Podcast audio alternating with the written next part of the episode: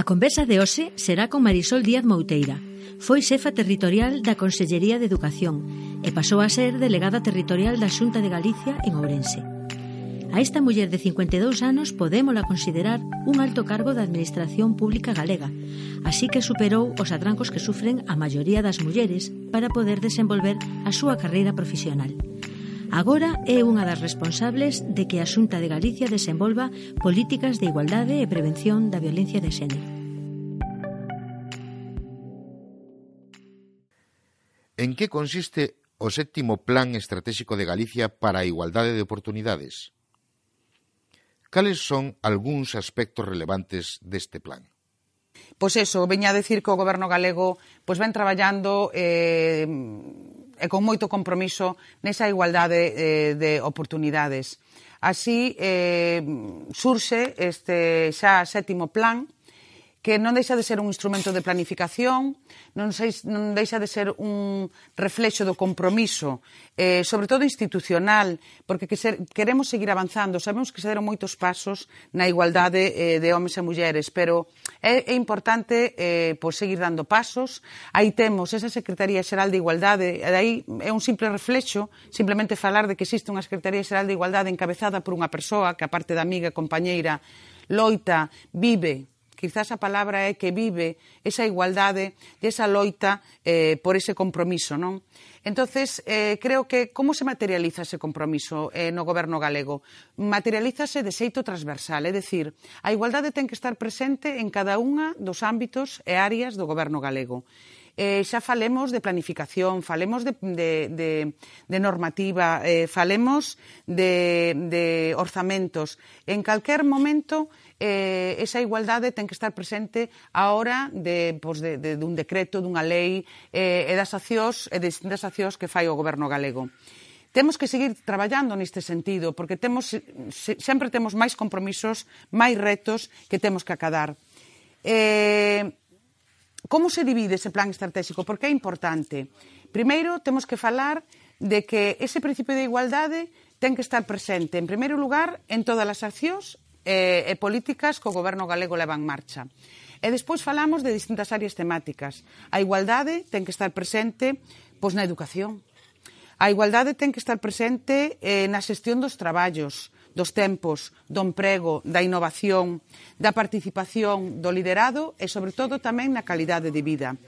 E tamén se trata neste plan estratégico en algo que tamén é ese outro pilar. Por un lado, a, un, un dos pilares é a igualdade de homes e mulleres e, por outro lado, como non podía ser de outro xeito, a prevención e o tratamento da violencia de xénero. Así que este é o plan estratégico que está presente en definitiva, en todas e cada unha das accións de, de goberno. Sabemos que, que hemos traballado moito, sabemos que avanzamos moito, pero todavía quedan moitos retos por acadar. Que tal está a funcionar?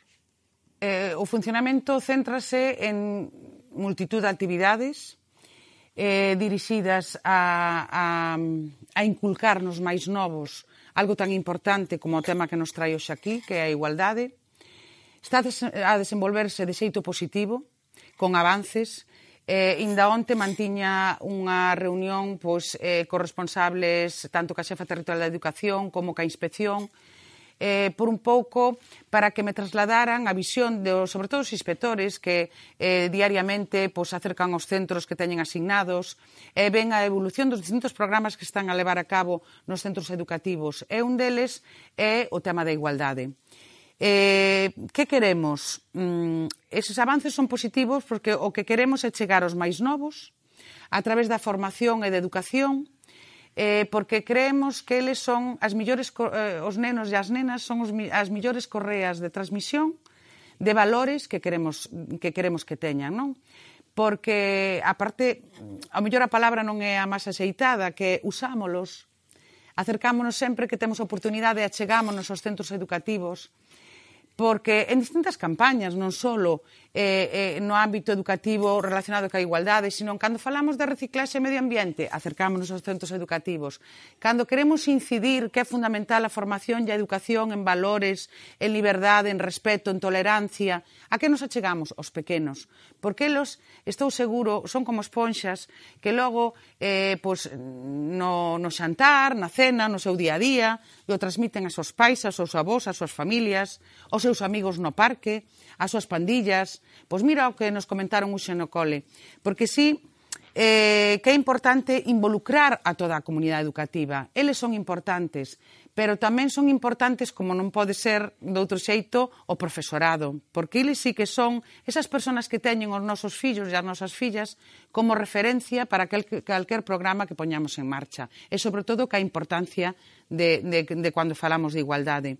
Falamos do profesorado, falamos do personal de administración e servicios, porque os nenos, eh, pois nas súas carreiras, polo centro, ou cando se achegan á administración para calquer dúbida, tamén nese trato que reciben, nesas contestacións que reciben, pois tamén están recibindo pois esa igualdade de trato, esa respe ese respeto, esa tolerancia.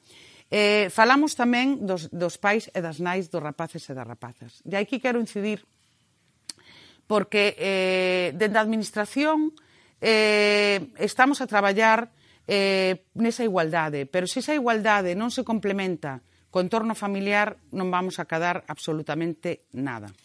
Entonces, aquí eh, é importante decir, creo que eso vai ser motivo eh, de, de, de, de que o falemos un poquinho máis adiante. Aquí quero simplemente falar dese plan de igualdade, como tú me decías, no centro educativo, e que Galicia avanzou moito neso, porque nesas materias de libre configuración, para chegar aos, a nosos nenos e nenas, pois eh, fomos os primeiros alá por o ano 16-17 de que incorporamos para alumnos de primeiro e segundo da ESO unha asignatura que era a igualdade de xénero, convertíndose Galicia na segunda comunidade autónoma que viña incluir no currículum educativo eh, materias de igualdade e de xénero.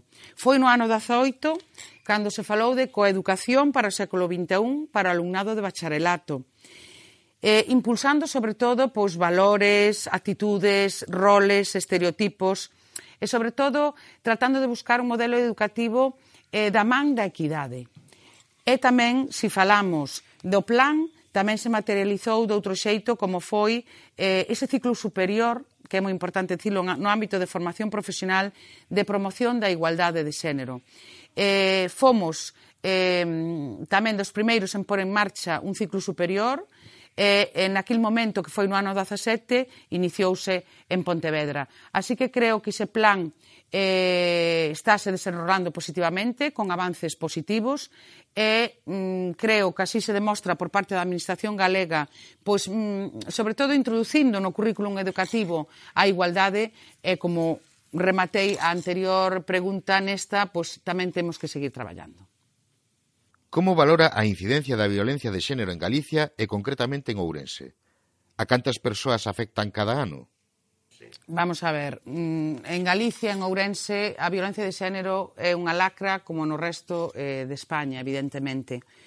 En cuanto a números, en canto a cifras, pois eh, si estamos por debaixo, pois a mellor de outras provincias, non? En número, por exemplo, de denuncias, pois fomos a provincia que menos denuncias recibiu en esta materia. Estamos a falar de nun total de 6.000 aproximadamente denuncias, en Orense falamos de 800, que son moitas, moitísimas. Claro, falamos de menos denuncias, pero desde o momento en que haxa unha, o sistema falla. Ese é o, o problema, non? Eh, non podemos baixar a garda. Eh, si é verdade que eh, vivimos nunha cidade pequena na que todos nos coñecemos, parece que nunca nos a violencia de xénero pásanos de lado, non? É que pero si é verdade que pois ao millor é un tema que por deformación profesional eh, me gusta estar o día porque os meus inicios como funcionaria foron no ámbito da orientación familiar, no ámbito eh, de, do, do, de, de, da violencia de género, do, do ámbito incluso de tutela de menores que moitas veces son froito non desa situación de violencia de, violencia de xénero. E aínda que eh, pois en Ourense pois, eh, si hai ese número de denuncias, si hai, pois ao mellor os medios de comunicación a veces pois non trascende ou non o trasladan de xeito do, do, do, de maneira axeitada. Si hai, si existe, temos que seguir traballando. Creo que o traballo que as familias é fundamental. Creo que o traballo dende a escola é fundamental.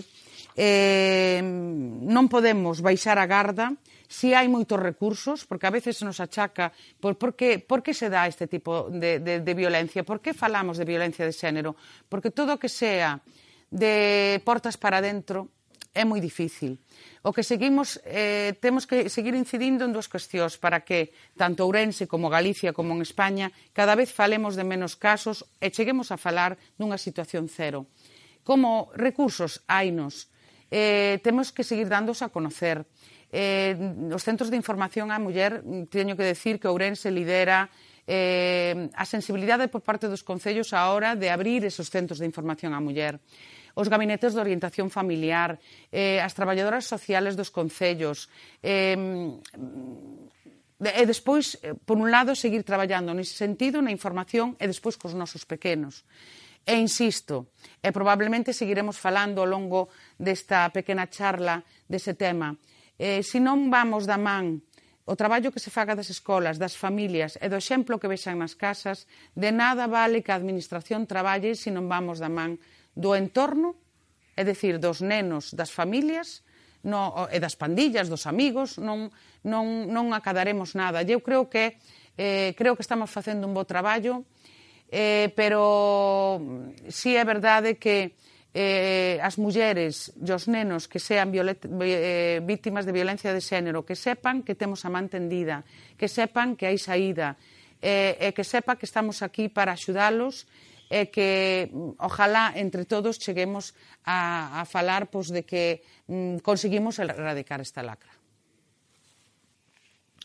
Os diversos estudos realizados reflicten que a diferenciación entre nenos e nenas se xera dende a infancia Que parte da responsabilidade ten a escola? Eh, creo que os centros educativos traballan 100% en igualdade. Estou che falando neste momento como nai, con un fillo, xa non vou decir neno, de 22 anos, que xa naquel momento se algo me chamou a atención porque eh, foi con aquela gaula de terceiro de infantil, fíjate dos anos que estamos falando, donde había o rincón da cociña, o rincón da plancha, o rincón da lavadora. Estamos a falar hai 22 anos. E, e, e parece, a veces digo, estamos falando de igualdade, estamos falando do ámbito doméstico, pero é un reflexo. E iso ocurría hai, pois, ao mellor, pois, 19 anos. E, e, e xa daquelas, no, traba, no colegio, constame, no colexio que se traballaba en igualdade en que todos éramos iguales, pero non falando de axudar, é que me axudan na casa, non. Aquí falamos de corresponsabilidade, non de que me axudan a posar respiradora ou... E xa naquelas eh, chamaba a atención, e aquí creo que a responsabilidade fundamental neste momento vou na descansar sobre as familias. Por que o digo? Porque eh, o meu fillo chegaba a casa e comentábame, fíjate mamá, es que pois Pedro, o Diego, o bueno, pois calquera dos seus compañeiros, pois es que mmm, cando la profe le dijo que le tocaba la plancha, le dijo, oh, é que iso na miña casa fai na miña nai.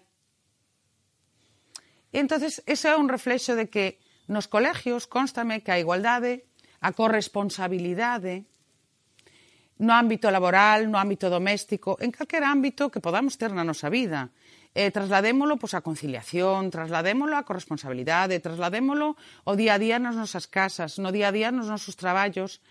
Eh, é un traballo que se está facendo nos, día, nos, nos centros educativos en todos os ámbitos. Ahora, que si o traballo que se fai nos centros educativos non se corresponde eh, coa esa transmisión de valores e coa exemplo que ven nas casas pero a hora de simplemente de falar no entorno dunha mesa. Non quero dicir que o neno teña que ver ao pai planchando, nin ao pai barrendo, nin facendo a compra. Simplemente nas conversacións que se manteñen no entorno do, do xantar, da cena.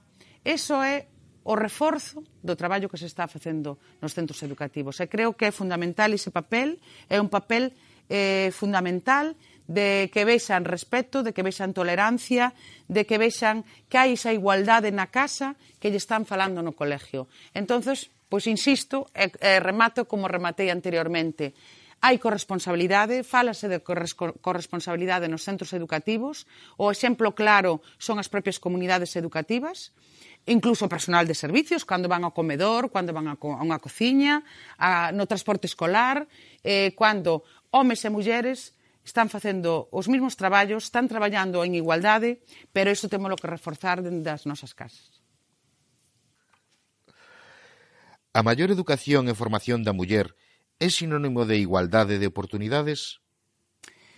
Vamos a ver, eu creo que eh, a formación e a educación pode ser quizás mm, como non é sinónimo de igualdade de oportunidades para min eh, é sinónimo ao mellor dun mellor acceso ao mercado laboral e mellores condicións, que despois, unha vez que estás eh, que chegaches ao mercado laboral, que podes ter un crecimiento pois real e potencial ao mellor mellor, pero eu creo que igualdade de oportunidades dase ou non en cada ámbito, non, non é correlativo á, á formación e a educación.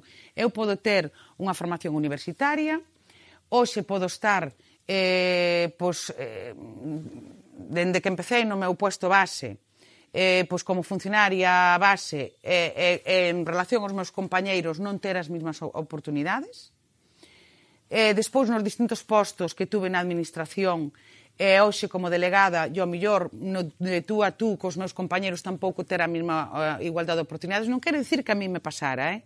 pero non considero que, a mi, eh, que unha formación universitaria ou ocupar un determinado eh, posto político ou directivo implique que teñamos unha igualdade de oportunidades. Non entendo que sea correlativo. Sí, a hora de, evidentemente, toda a formación abreche máis portas no mercado laboral, pero, bueno, que a formación tamén implica loita por ter as mesmas oportunidades que os compañeros que tes ao lado. Na educación, cales son os novos retos para a eliminación da discriminación e da violencia de xénero? Pois eh, creo que un, dos aspectos eh, fundamentales para que eh, pois xa se deixe a un lado pois eh, falar que teñamos que falar de igualdade, que teñamos que falar de prevención de violencia. Eh, creo que se está a levar nos centros educativos un amplio eh, abano de actividades que reforzan eso que me estás dicindo. Eses novos retos eh, que hai que, que, hai que seguir asumindo, eh, que veño falando, non? que sempre hai novos retos, novos compromisos, eh, pois a través de materiales didácticos, a través da formación do profesorado, eh, a través de, de, dos propios alumnos, de, de chegar a eles no ámbito da formación cun linguaxe non sexista, eh, de eh, deixar a un lado os estereotipos, eh, sobre todo os prexuicios no ámbito sexual, que tamén é importante, eh, no ámbito estereotipos de xénero, seguir con campañas, porque así o estamos facendo, campañas de divulgación, campañas de sensibilización, congresos, xornadas, xogos, actividades de expresión corporal que a veces dicen moito, é que creo que ese é o camiño que temos segui eh, que seguir, que agora xa se están facendo. Pero si sí é verdade que a veces, pois, eh, pois en charlas que, que sobre todo que manteño, non, ca, ca secretaria xeral de Igualdade, por o que decía hai un momento, xa non só como compañeira de traballo, sino como amiga que nos preocupa estos temas, sobre todo de, dos que nos tran aquí hoxe, que é a igualdade e a prevención da violencia de xénero, é eh, que vimos un repunte, sobre todo machista, en rapaces, eh, pois, eh, adolescencia, ahora xa non sei onde marcar moito a idade, non? Pero 13, 14, 15, 16 anos, un repunte que eu xa vi no seu momento. Eu estou falando, pois remíteme outra vez a miña experiencia non persoal, de cando meu fillo teña 13, 14 anos e se empezaban a utilizar novas tecnoloxías que son mal usadas, en concreto pois, o WhatsApp, eh, volvía, volvíamos a apreciar un repunte pois, na, no, no, nos celos, eh, no, no, nesa pensamento de, de posesión eh, pois, deses primeiros ligues. entonces eu creo que aí temos que incidir. Temos que incidir na primeira infancia, na igualdade, e, e que xa o, o normalicen e, sobre todo, xa no ámbito intermedio, a mellor desa adolescencia entre 13, 16, 17 anos, aí sí que temos que incidir e, e seguir traballando nun lenguaxe non sexista, evitando pois, acoso, bullying, eh, determinadas situacións que veñen por esos estereotipos e eh, que cada un que se identifique ca, co, co xénero que queira eh, e que, e que, en definitiva, vamos a desembocar sempre a mesma palabra, que é respeto respecto po, que, que, que respecto que as raíces que van a esa palabra ou que, que, que levan a esa palabra sempre van a ser respetar os estereotipos de sexo, eh, deixalos a un lado, e sobre todo o lenguaxe non sexista. E creo que eses son os retos, porque campañas, divulgación, sensibilización e, e seguir traballando sobre todo pois, co profesorado, seguir dando ferramentas para que transmiten no ámbito educativo o que queremos chegar, a unha igualdade real e a unha liberdade. Chegou a ser delegada da Xunta de Galicia en Ourense. Sentiuse vostede algunha vez discriminada ou víctima da violencia de xénero? Pois non, a verdade é que eh, afortunadamente, eh, tanto eh, no ámbito profesional eh, considérome pois que sempre tuven un nunca se me discriminou por razón de sexo, sexo por menos eu eh, nunca me sentín discriminada. Eh, sempre se me inculcou eh, parto do ámbito familiar, que tamén que levamos falando paralelamente, traballo e ámbito familiar, eh, na casa sempre vin traballo e sobre todo ilusión e esforzo. E eso sempre foi o que, o que levei por diante, non? Eh, formarme eh, e despois pois eh, sabía que esa formación sin un traballo, sin unha ilusión e sin un esforzo pois non, non, non chegaría a cadar as metas. Eh, naquel momento tuven ese apoio, esa forza e esa ilusión que me empuxaron dende a casa eh, é que me levou pois, a, a preparar unha posición, a verme en igualdade de condicións cos meus compañeiros. Había daquelas, acórdome, que 20 plazas pois, para non sei cantos éramos, mil ou mil e pico, pero eu víame pois, eh, con esa forza e con esa capacidade para mm, acadar esa plaza que me convertiría eh, en funcionaria para loitar por un traballo de servicio público que xa naquele momento me gustaba E, e ao longo da trayectoria xa primeiro traballando pois, no meu puesto en, no ámbito dos servicios sociais que foi o que, o que me permitiu ter esta pasión por administración vinculada pois, eh, ao traballo de servicio público sobre todo o traballo ao carón das persoas. Foi o que fixo despois que, bueno, pois que empecés a enredar un pouco neste mundo da política é que eh, me seguiu enriquecendo, seguín dando forza, e, e seguín véndome pois ben tratada, nunca me seguín eh, nin desplazada, nin discriminada, que aportaba pois traballo, e, e creo que foi o que se valorou, non? Esa preparación inicial e o traballo. E despois, pois vítima de violencia de xénero, pois en ningún momento eh, na casa sempre vin amor, cariño, respeto entre dúas persoas, eu son filla única, o círculo familiar era moi pequeno, pero eh, sí, por parte de, de, de tanto do meu pai e da miña nai, pois eran varios irmãos, e todas as miñas primas e, bueno, o resto da familia sempre nos vimos pois de iguales e donde nunca había unha palabra por riba da outra, independentemente de que poda haber os enfados como todas as familias.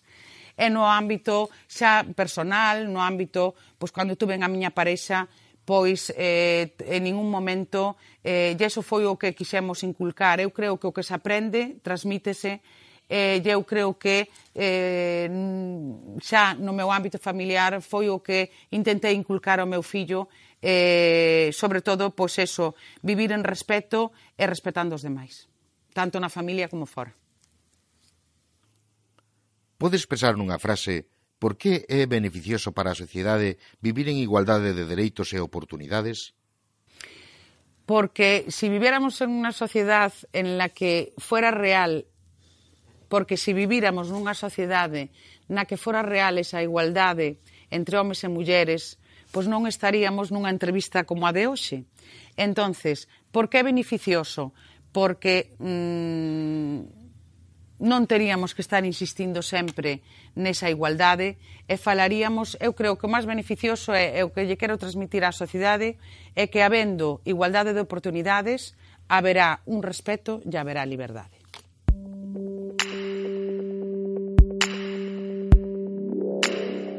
Grazas por participar nesta idea de Escola Libre de Violencias Machistas, Educando en Valores, Educando en Igualdade, que é un proxecto de FAPA Ourense As Burgas e subvencionado pola Secretaría Xeral de Igualdade da Xunta de Galicia.